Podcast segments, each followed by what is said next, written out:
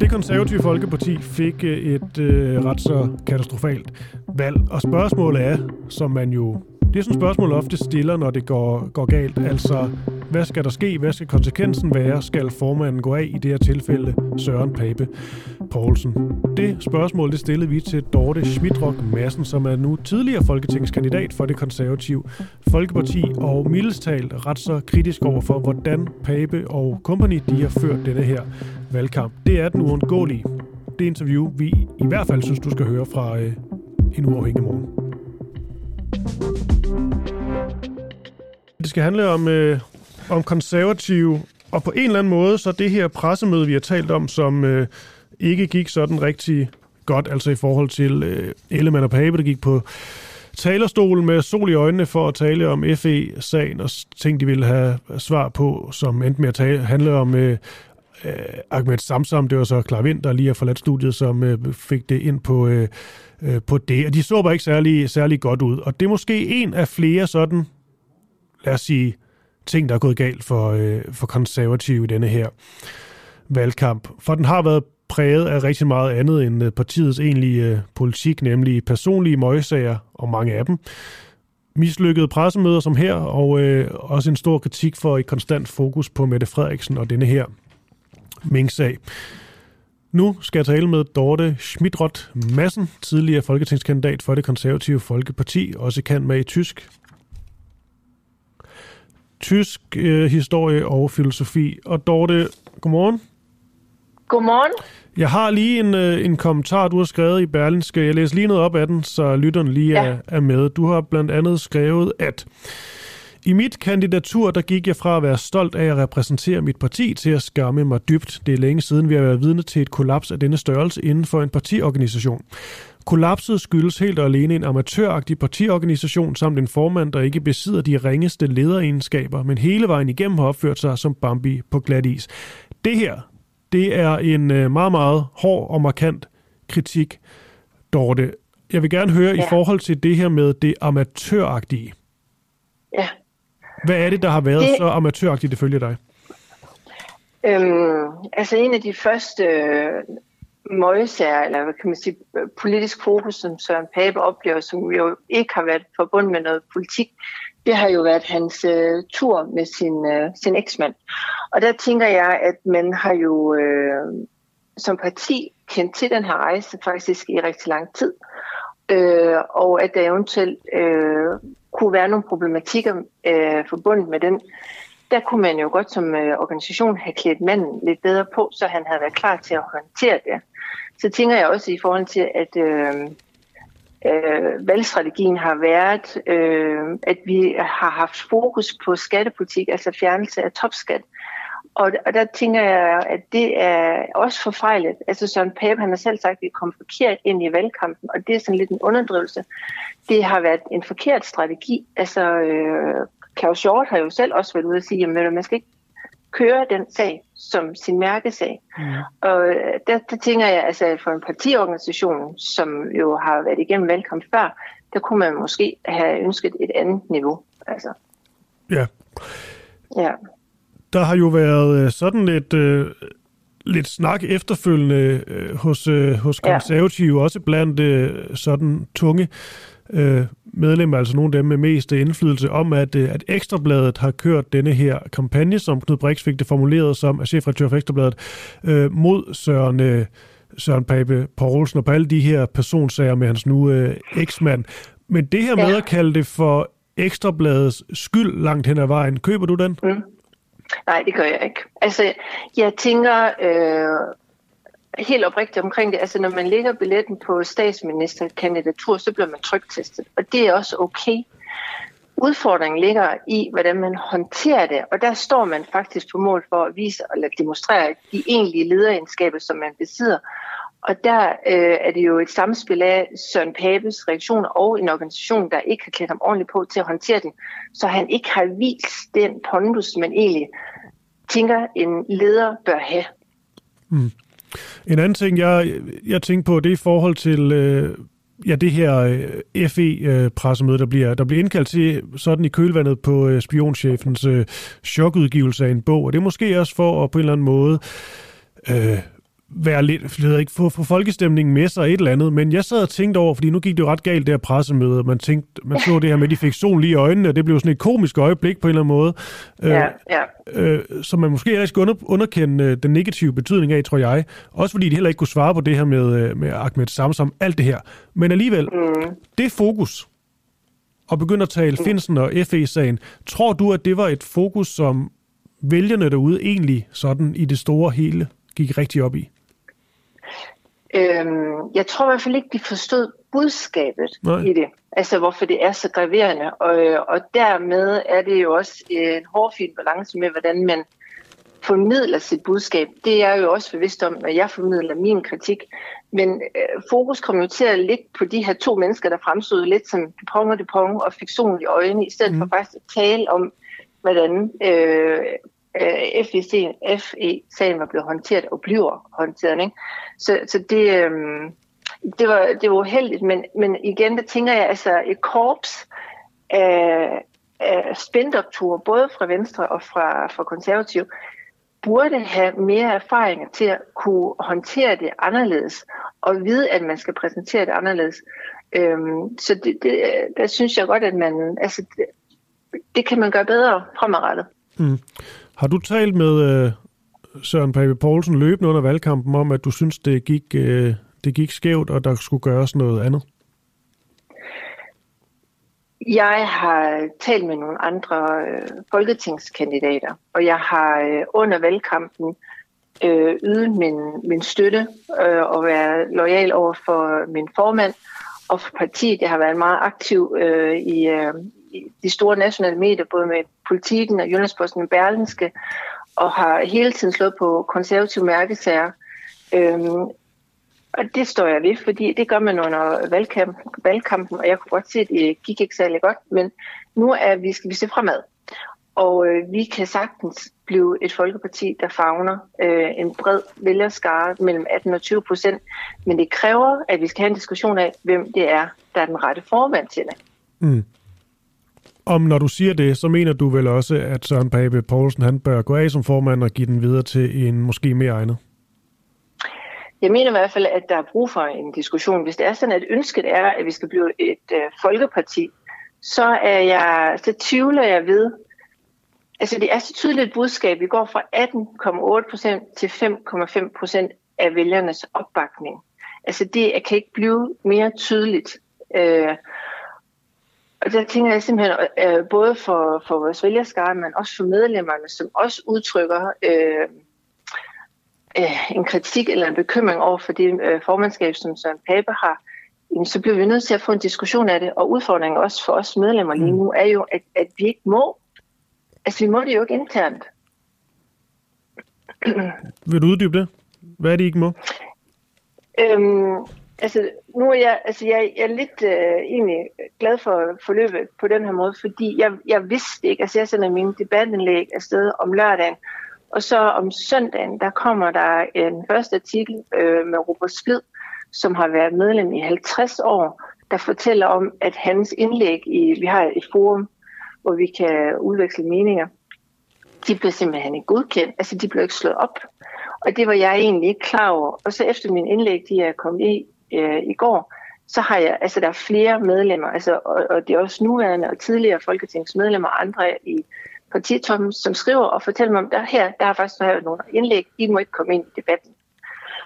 Øh, og, og nu kan jeg heller ikke selv øh, bidrage. Altså, jeg, mm.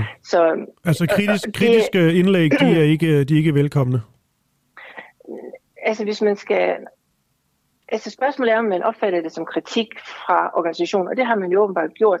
Men hvis man skal være enig om den valgstrategi, der skal føres, så bliver man nødt til at inddrage også med, medlemmer, eller i det mindste folketingsmedlemmer, dem der er de siddende, skal vi føre en kampagne, der går på udelukkende skattepolitik eller ej. Øh, der kan man ikke bare øh, ikke være lydhør over for, hvad der sker i ens bagland. Mm. Men kan du ikke egentlig trods alt følge, at det, at det her med at, øh, at tale om, øh, om strategi, alt der gik galt i valgkampen, men også tale om, hvorvidt øh, Pape overhovedet er den rigtige formand, at man gerne vil nedtone det lidt, fordi hvis det breder sig alt for meget, så kan det jo ind i nærmest en ren øh, myteristemning. Ja, men, men der må jeg være helt ærlig at sige, altså det er jo konsekvensen af, hvordan man håndterer intern kritik. Fordi det er sådan med, med mennesker, når der er noget, der ulmer, og de er kritisk over for noget, og de ikke får lov til at ytre sig, så på et tidspunkt så brister boblen. Og det er det, der sker nu. Mm. Så Ja, der, jeg lige sige, der er lige en lytter, der hedder Emil Bang uh, Traholdt, uh, der skriver, jeg er medlem af det konservative Folkeparti, og det forum, der omtales uh, kritisk indlæg er aldeles velkomne. Det er ganske enkelt ukorrekt, hvad der siges. Det skulle lige have lov til at svare tilbage på. Altså, jeg vil sige, altså, siden i går, altså, jeg, der er to reaktioner, jeg møder. Der er dem, der støtter mig, og der fortæller, at uh, deres uh, ting bliver blokeret, og det ene og det andet. Og så er der dem, som er rigtig, rigtig vrede. Så, øh, og, og det kan vi sidde og, og diskutere fra nu af, og så mm. til langt ud. Altså dem, som Robert Splid har jo faktisk selv været ude øh, søndag med nogle eksempler, og skrive, at hans øh, indlæg, øh, opslag mm. blev blokeret. Så jeg ved ikke, hvor meget dokumentation man skal have for det. Nej, Emil, lige sige, Emil Bang har før det skrevet her øh, i vores kommentarfelt. Det her er det vel ikke er det vel slet ikke en diskussion, der skal tages eksternt øh, spørgsmålstegn. Så det er måske også der, hvor han står. Han føler måske ligesom, at det her, det, det skal ikke ud i, øh, i offentligheden. Men jeg kan egentlig godt tage den videre, fordi hvorfor er det, at eksempelvis du skal skrive i, øh, i Berlinske, hvorfor er det, I ikke tager den sådan, øh, sådan bag lukkede døre? Jamen, der er jo lydhør. Altså, og så, så øh, når der sker sådan et stort drop fra 18,8% til 5,5%, så er det da noget, man bør i tale sætte. Jamen, hvad er fremtiden for det konservative Folkeparti? Jeg har altid stemt konservativt, og jeg kommer også til det fremadrettet, men hvad er fremtiden? Og hvem skal påtage sig lederrollen? Altså, jeg har været meget aktiv i debatten øh, de sidste halvanden to år, øh, og, og jeg har repræsenteret det, for, øh, konservative Folkeparti, og jeg vil stå ved det, øh, men jeg tænker, at vi bliver nødt til at have en diskussion om, hvad fremtiden er Mm. Og jeg er jo heller ikke den eneste. Altså, vi har jo Per Stine Møller, som i politikken har været ude at sige, at vi bliver nødt til at diskutere om det, altså formandskabet. Ikke? Vi har en tidligere borgmester også i Berlin, skal sige, jamen, hvordan skal det være med formandskabet? Så det er jo, ja, og der er jo en grund til, at det popper op, og der er hele tiden blevet flere og flere, ikke? Jo, man kan tænke, at det Emil, der stadigvæk øh, skriver ind her, at han mener jo ligesom, at det er jo lidt det her, det bliver taget i, i medierne. Der kan man så sige, at den tanke, som jeg, jeg gør mig her, det er jo, at, øh, at det begynder at smuldre for, for Dansk Folkeparti. Der er det også lidt der, hvor, hvor folk begynder ligesom at gå, altså medlemmer går i medierne og komme med deres kritik, hvor det før føltes meget topstyret, og interne konflikter, de blev netop taget øh, øh internt. Ja. Øhm, så jeg skal bare igen lige forstå, hvad vigtigheden er i, at du går i, øh, i medierne med den her kritik, og ikke tager den internt? For dig altså.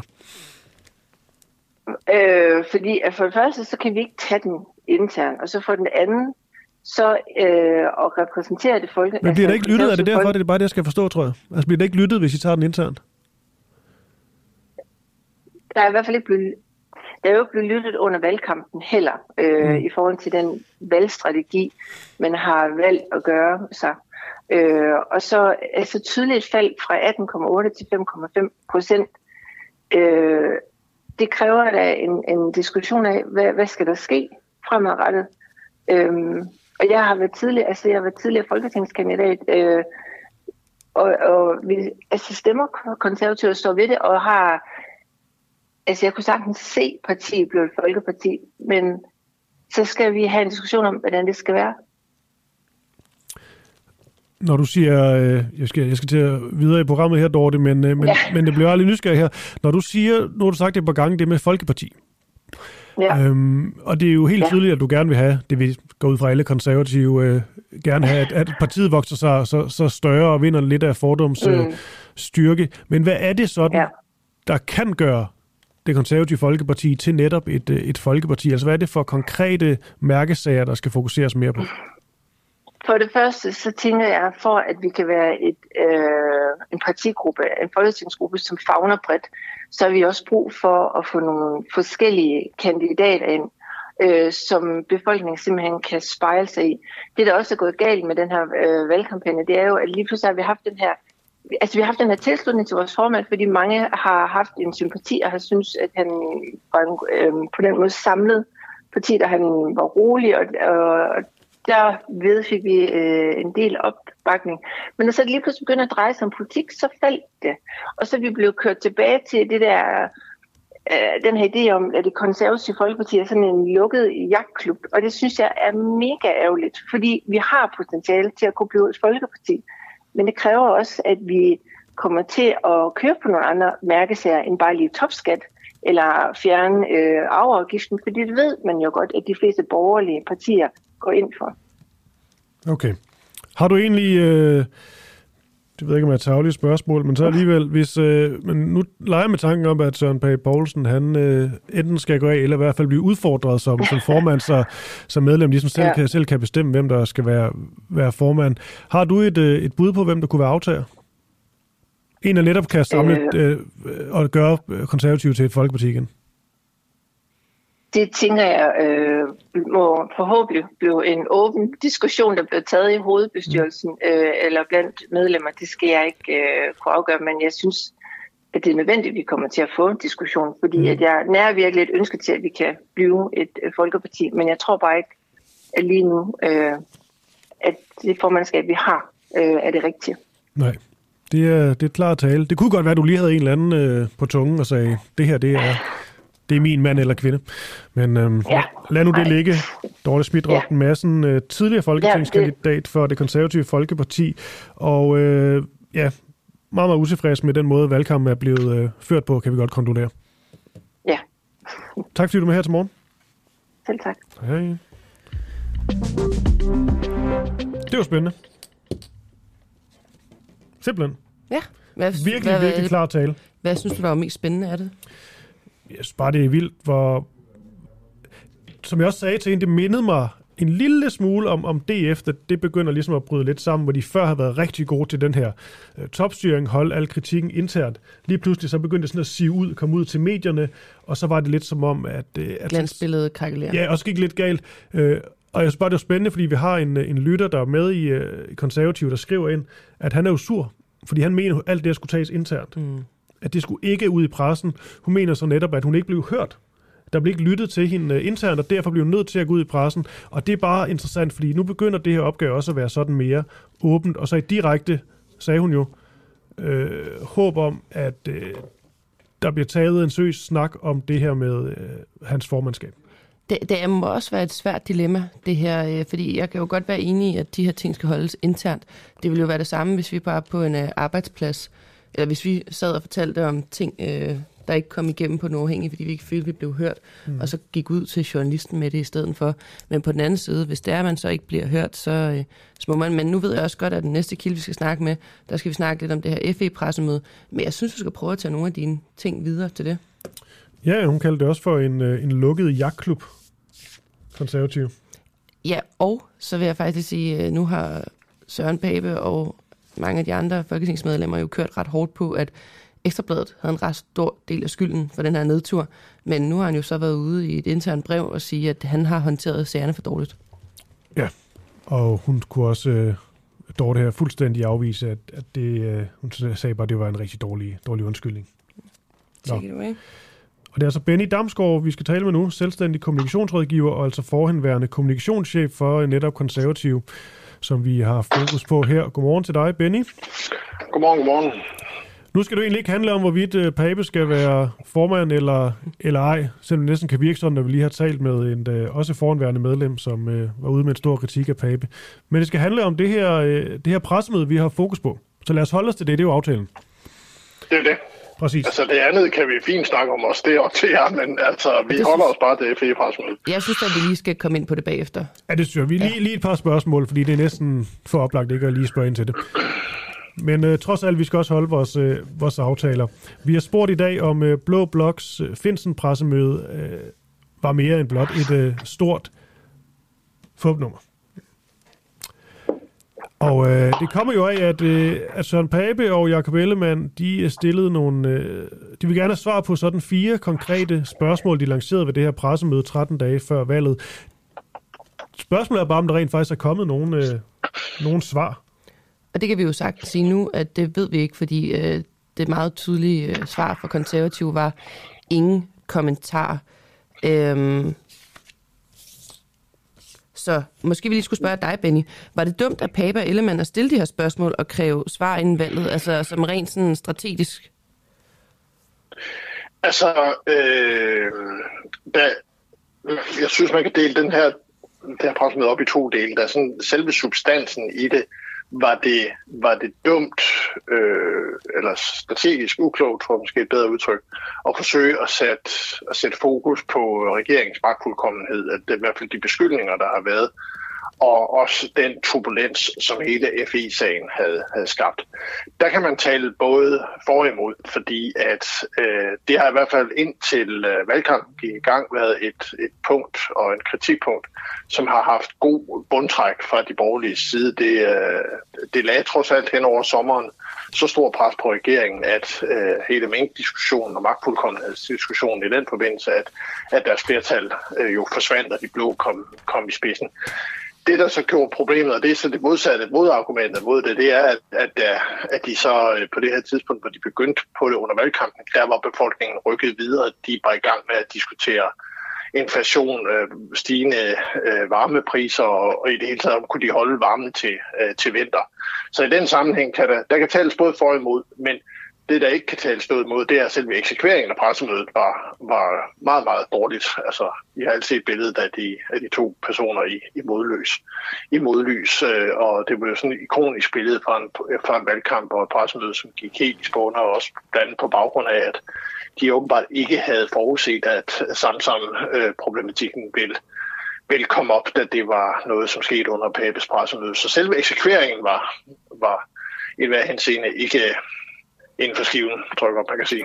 Nej, nej, vi ved jo også, at, øh, at det er jo ligesom egentlig havde skrevet til dem, at øh, tre dage inden eller sådan noget, at, øh, at Samsam måske kunne blive bragt op, eller, det, eller, det, eller spurgt om det var noget, de selv ville bringe op, så det kan undre, at de virker sådan helt på, øh, på, på glat is. Som, øh, som forhenværende kommissionschef for, for konservativ, jeg ved ikke, at nu hopper lidt tilbage i tiden her, men alligevel, vil du ikke lige sætte nogle ord på, nu nævner du selv, at det ikke så så kønt ud, det her pressemøde, men øh, hvor skidt var det egentlig? Jamen, altså det var næsten historisk skidt. Det var i bund og grund øh, de blås valgkamp i nødskal, fordi de, øh, det, var, det var dårligt eksekveret øh, rent, øh, øh, sådan rent indholdsmæssigt. De åbnede en masse ladeport for kritik, og, og de, de forsøgte at tappe ind i en diskussion, som befolkningen i bund og grund ikke længere interesserede sig for. Så det var ikke på nogen måde et, et, øh, et, et godt pressemøde. Det tror jeg ikke, der er nogen svensk, øh, der kan sige. Altså normalt, når man laver sådan nogle pressemøder, øh, så forbereder man sig jo lang tid på den, for, for netop at undgå alt for mange overraskelser undervejs. Så altså, man skal gerne have det gode svar på de spørgsmål, som man kommer og, eller som man forventer kommer, og, og helst ikke stå i en situation, hvor man, hvor man bare siger, at det, det var ikke temaet for pressemødet, det vil jeg ikke sige noget om. Det er ikke et godt svar, for det, det er det eneste. Det er en rød klud foran journalisterne, det er det eneste, de spørger ind til. Så det er sådan grundlæggende bare dårligt håndværk. Når de nu rent faktisk øh, krævet at få nogle, øh, få nogle svar, og vi så ikke ved, om de rent faktisk har fået, mm. fået de svar, det har i hvert fald ikke været ude i... Det har de sikkert ikke. Nej. Det har de sikkert ikke. Nej. Og lige meget hvad, det har i hvert fald ikke været ude i, i, i offentligheden. Hvorfor er det så, at de ikke vil vedkende sig det? Hvorfor er det, de har ingen kommentar til de spørgsmål, vi stiller? Er det fordi, det bliver noget gætværk det her, men er det fordi, tror du, mm. at, øh, at de simpelthen er kommet frem til, at det her med Lars Findsens sagen og alt det her, det er egentlig ikke noget, vi skal fokusere så meget mere på, fordi det giver bagslag?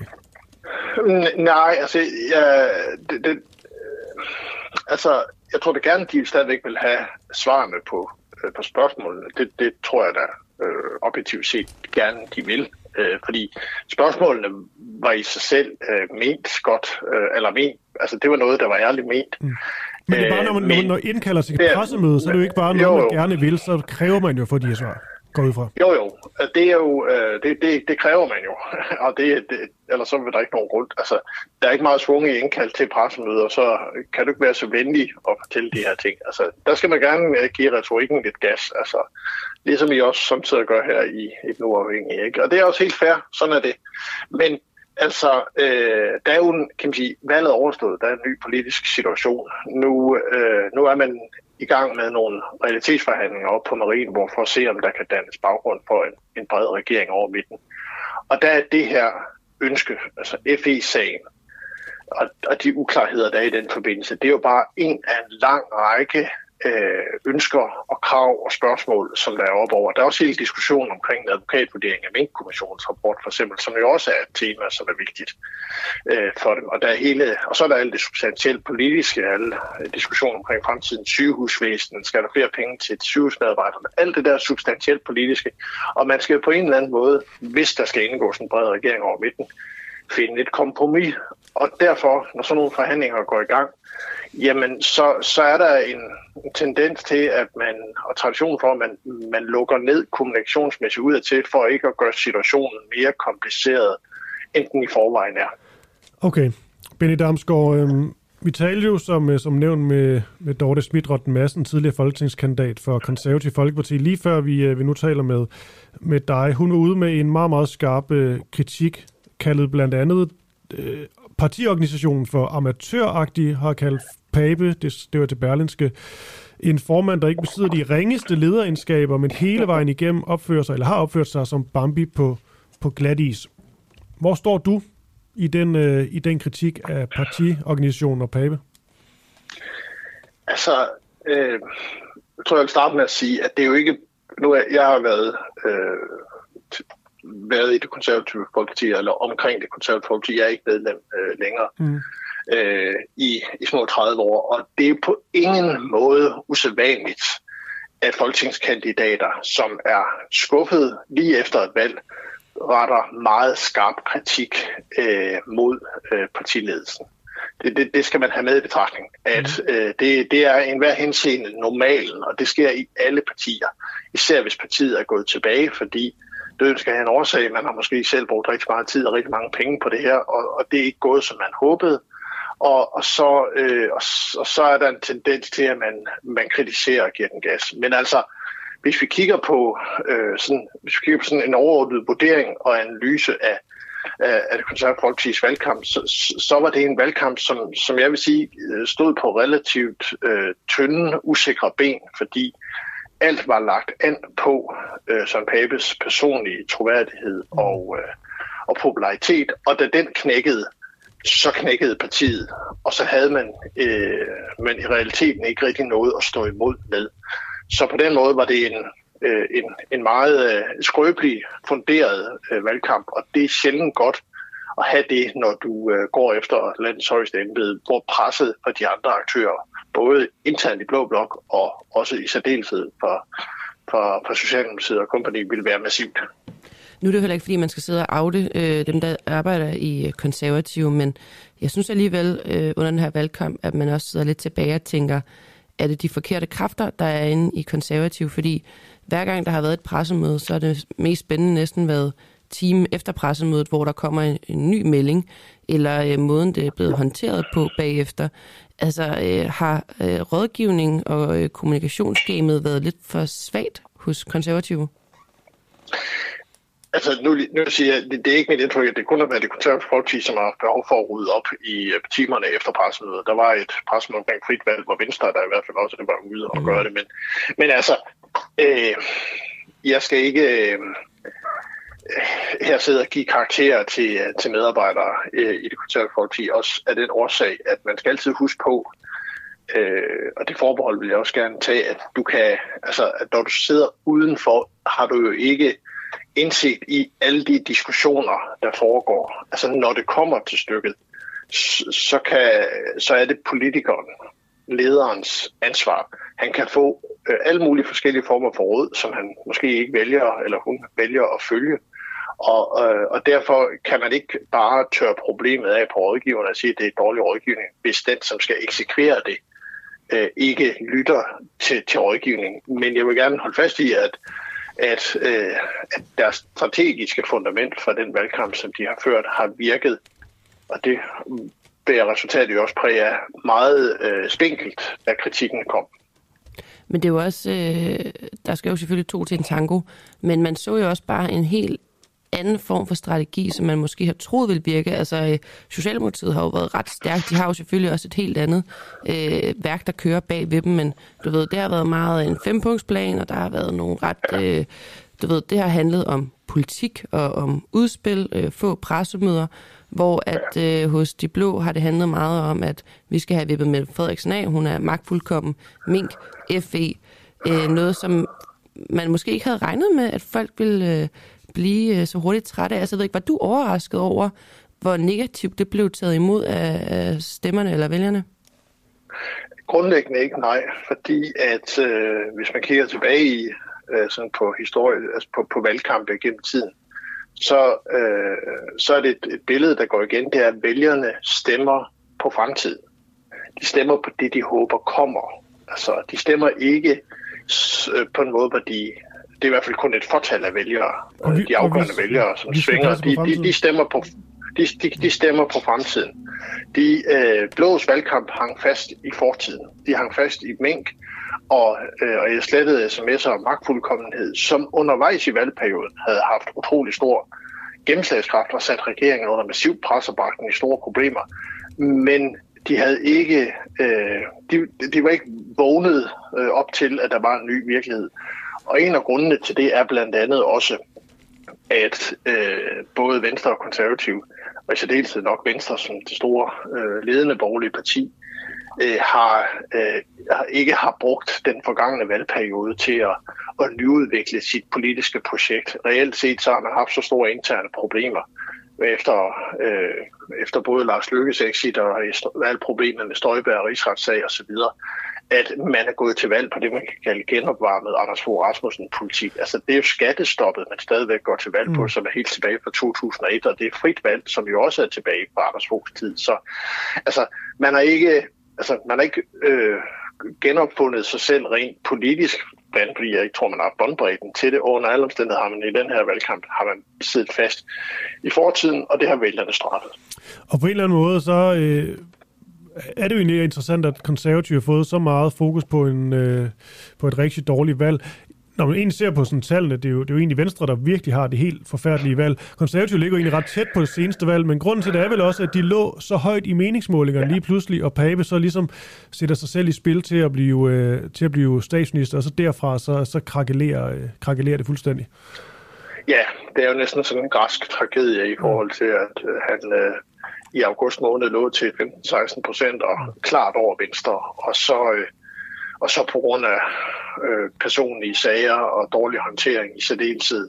Fordi når man kigger substantielt på de sager, der har været, så burde de ikke være så store, at de har knækket ryggen på et statsministerkandidatur, hvis de var blevet professionelt håndteret. Men altså, vi, øh, det, det, det, der står tilbage, det er jo bare, at altså, så forsvandt det hele, og, og, og Pape jo også i, i perioder næsten krakuleret på åbent tæppe, og det er jo en, øh, en, en ja, det er jo en, altså, det er jo i hvert fald en, en udvikling, der er noget mere øh, præsent og ny end, end Venstres nedgang, som jo reelt set har været i gang siden mm. august 2019. Og her til sidst, øh, Bente Damsgaard, nu har øh, Clara Vind lige haft hånden op, så hun får et øh, sidste spørgsmål, så der, der er pres på nu. Det skal være godt, det skal være skarpt.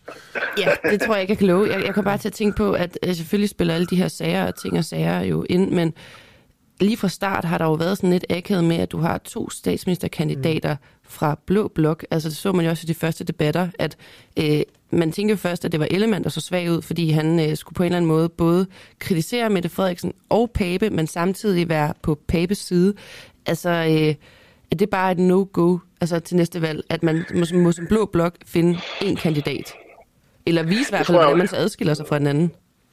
Ja, altså det tror jeg er meget afhængig af, hvem du, du spørger. Jeg synes, den første statsministerkandidatdebat for snart lang tid siden, jeg tror helt tilbage i september, der gik det sådan øh, fornuftigt. Altså, der var uenighed blandt mellem de to borgerlige kandidater, men det var ikke sådan, at der, altså det, det, man kunne have frygtet på forhånd, når statsministeren ville spille dem ud mod hinanden og, og få det hele til at krakelere, det, det blev ikke situationen.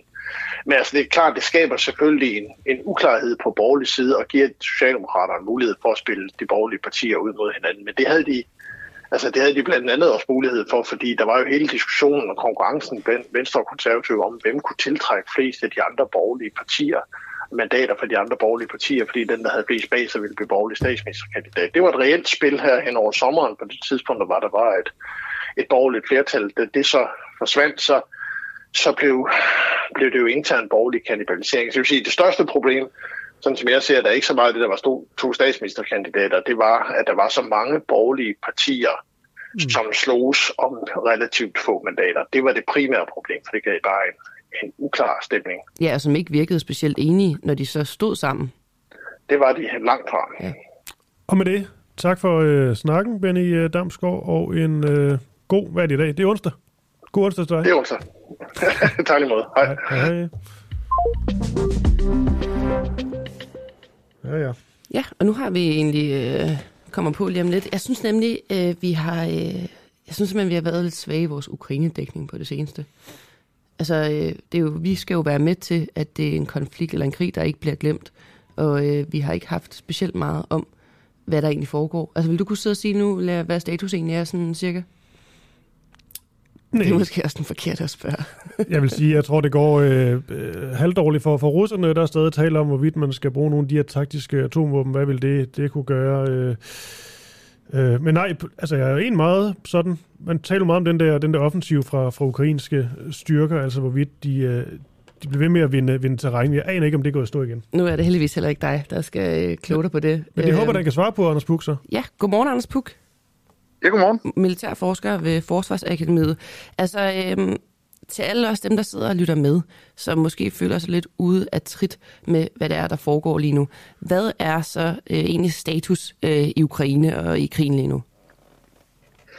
Ja, altså det, øh, Meget det er faktisk, spørgsmål. ja, det er, det, er, det er et bredt spørgsmål, og det kan være en lille smule svært at svare på, fordi der er mange ting i spil på samme tid. Men altså, øh, umiddelbart så er det jo gået lidt i stå, forstå på den måde, at det er et stykke tid siden, vi har set de der rigtig store erobringer af terræn fra enten den ene eller den anden side. Altså det er, det er få kilometer, man taler om i øjeblikket, når nogen har erobret noget. Øhm, og det er der nok to, to overvejende grunde til. Altså den ene, det er, at vi er kommet øh, godt ud på efteråret efterhånden, og Ukraine er ramt af, af det, der kaldes muddersæsonen, hvor at, at der simpelthen er så meget mudder, så det er rigtig svært at komme frem, lige så snart man kommer væk fra de asfalterede veje. Så det, det får sådan de militære operationer til at gå rimelig meget, altså blive, blive meget mere besværlige, når man kun skal holde sig på vejene. Øh, og den anden, det er så den her russiske mobilisering, de har lavet, som betyder, at der er kommet mange flere russiske soldater øh, til, til området. Det har nok også fået tempoet til at gå lidt ned. Men øh, det med mobiliseringen af de russiske soldater, fordi jeg synes, man ser meget på nettet om, at der både er lidt modstand øh, mellem de russiske soldater, øh, der er mange, der ikke vil afsted, der er folk, der flygter. Men kan man se, at der er kommet flere soldater til Ukraine? Ja, altså det kan man sagtens se, at der er, øh, øh, altså russerne har fået flere øh, soldater, og det har øh, også været med til at løse et af deres helt store problemer, som har været mangel på infanteri, altså fodsoldater. Øhm, så er der så meget, der tyder på, at de her soldater, de ikke er specielt godt trænet, og at motivationen måske ikke er så høj, og der er også en del, der tyder på, at tabstallene blandt dem er, øh, er ret store. Øhm, men men det, altså, man må ikke lade sig sådan, øh, øh, få, få det indtryk, at det så betyder, at det ikke gør nogen militær forskel, fordi det gør det altså, at de, øh, øh de kæmper og, øh, og gør det mere besværligt for ukrainerne. Og jeg synes, det er også lidt til ud, som om ukrainerne måske har omstillet sig lidt i, i en periode, i hvert fald fra at gå fra at, at netop tænke, at de skal ud og erobre meget terræn, til måske at tænke, at nu kommer vi måske i en ny periode, hvor det lidt handler om nedslidning, og at, at man simpelthen skal øh, ja, dybest set jo ramme rigtig mange af de her nye soldater, der er kommet til.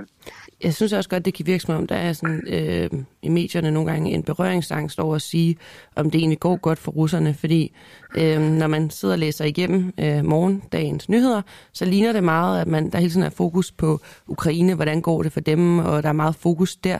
Altså, øh, er der på en eller anden måde, at man bliver ved med at undervurdere russerne lidt, Altså, der er sådan en øh, Ukraine-vinder, og der går ikke så lang tid. Altså, nu går vi ind i øh, vinteren lige om lidt. Men hvordan ligger russerne i forhold til at kunne rent faktisk, øh, hvad kan man sige, øh, få styring igen? Ja, altså det, det synes jeg så heller ikke ser specielt øh, ud som om, at det går i den retning. Altså jeg er enig med dig i, at det kan være lidt svært sådan at få de der øh, præcise billeder, når man læser medierne, og det, det, det, det er måske sådan lidt et pendul, der svinger meget. Altså fra, jeg synes nemlig nogle gange, så øh, hvis russerne bare har nogle få øh, fremskridt et eller andet sted, så er der også mange, der ligesom overfortolker det og siger, at Nå, nu, øh, nu vandt russerne så alligevel. Altså, og, og det er de så heller ikke ved, som jeg ser det. Altså, øh, russerne indstiller sig på, at, at de skal vinde på den lange bane, og, og de, de satser på, at øh, nu har de fået nogle mobiliserede soldater til Ukraine. Det kan sådan ligesom få det til at gå i stå, og så måske til foråret kan de komme med en større offensiv. Men altså, øh, Ukraine er altså også stærke, øh, så jeg tror måske mere, vi kommer til at gå ind i en ny fase, hvor det, hvor det igen bliver nedslidning, og hvor det bliver måske svært at fastholde opmærksomheden i, i medierne og det der med at følge med, men hvor intensiteten er meget høj, og, øh, og det bestemt ikke er sådan, så det er blevet en frossen konflikt, altså hvor det er en fase, øh, og så på den anden side af den fase, så vil der igen ske nogle bevægelser.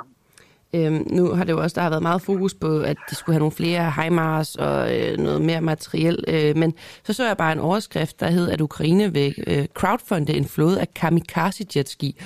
Og øh, det lyder jo helt vildt, når man, øh, når man læser det. Og jeg ved ikke, kan du både lige sådan forklare, hvad er kamikaze jetski, og hvordan kan det dog være en, øh, en fordel for ukrainerne at have dem? Altså, hvad bruger man dem til?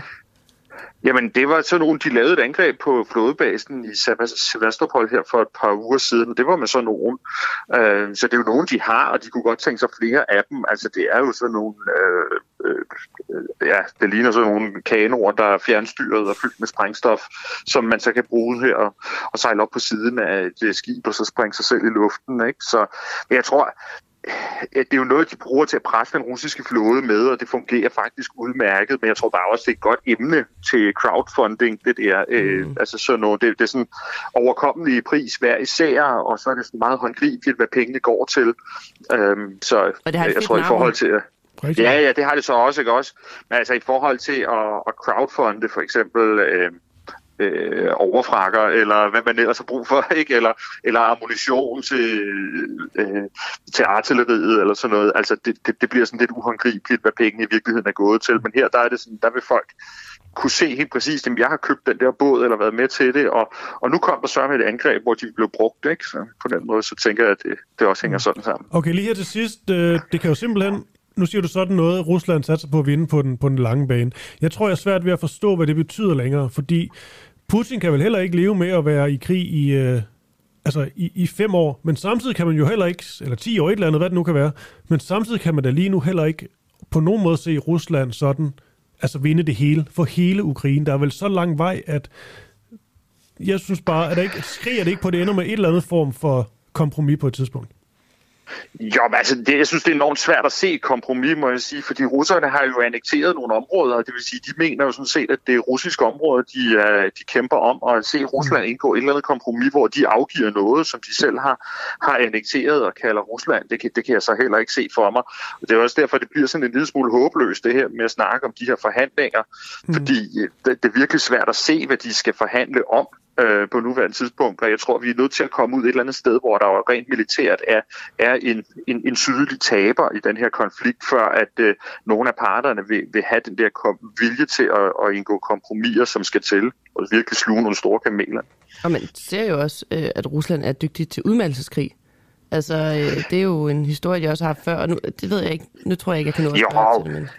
Nej, men altså, så vil jeg sige, at den samme historie gælder i virkeligheden for ukrainerne, ikke? Altså, så det, jeg, jeg, jeg må indrømme, jeg køber den ikke rigtigt, den der præmis, men det er også noget, russerne i hvert fald går for selv sig selv, og det, det er det, de som ligesom knytter deres håb til. Okay, Anders Pugge Nielsen, tak for det. Du kom lige ind fra, øh, fra højre. Hvad er det nu, den, den helt rigtige titel er? Militærforsker øh, ved Forsvarsakademiet. Er det helt forkert at bare sige det? Nej, jeg plejer at kalde mig militæranalytiker. Ja. Det skal du have lov til. Det vil vi også gerne kalde. jo, tak. Militæranalytiker. Ja. Tak for det. Det var en fornøjelse. Ja, så lidt. God dag. God dag. Så er der ved at være 30 sekunder tilbage. Ja, og så skal jeg sætte den der lille på, øh, lyd på, og jeg har noget med, jeg kan prøve. Jeg vil gerne ramme den lige på sekundet, så nu prøver jeg at gøre det. Her. Bum. Det har været... Øh, jeg tror, vi vil sige tak for dem, der stadig lytter med til noget af en hestblæsende morgen med en kasser, der brændte ned, øh, ja. telefoner, der ikke kunne gå igennem. Mig, der måske øh, blev lidt øh, slået ud af det og var forvirret bagefter, og sådan altid rolig Christoffer Lind. Og dig, klar vind, ja. Tak for det. Vi ses i morgen.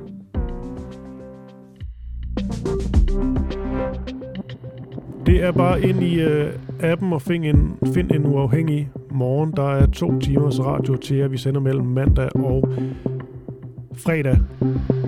I denne her udsendelse, der kan du også høre øh, Moderaterne udtalelser om øh, sådan en lidt sparet sag, synes vi nok, fordi vi har øh, afsløret her på Nordhængig, at 14 ud af 16 af Moderaternes folketingsmedlemmer, de svarede i TV2's valgtest, at de enten var helt enige eller enige i spørgsmålet om, hvorvidt det bør undersøges, om Mette Frederiksen kan stilles for en rigsret som konsekvens af hendes håndtering af Mink-sagen. Så var der en, der svarede neutralt, og partileder Lars Løkke Rasmussen, han deltog ikke selv i denne her test. Men spørgsmålet er jo bare, hvad siger de nu? Nu er de jo kommet i Folketinget. Er det så stadigvæk noget, de, øh, de virkelig vil slå sig op på det her, eller har det hele ændret sig en lille smule, siden de blev valgt? Vi øh, tog en rundregning. Det er underholdende.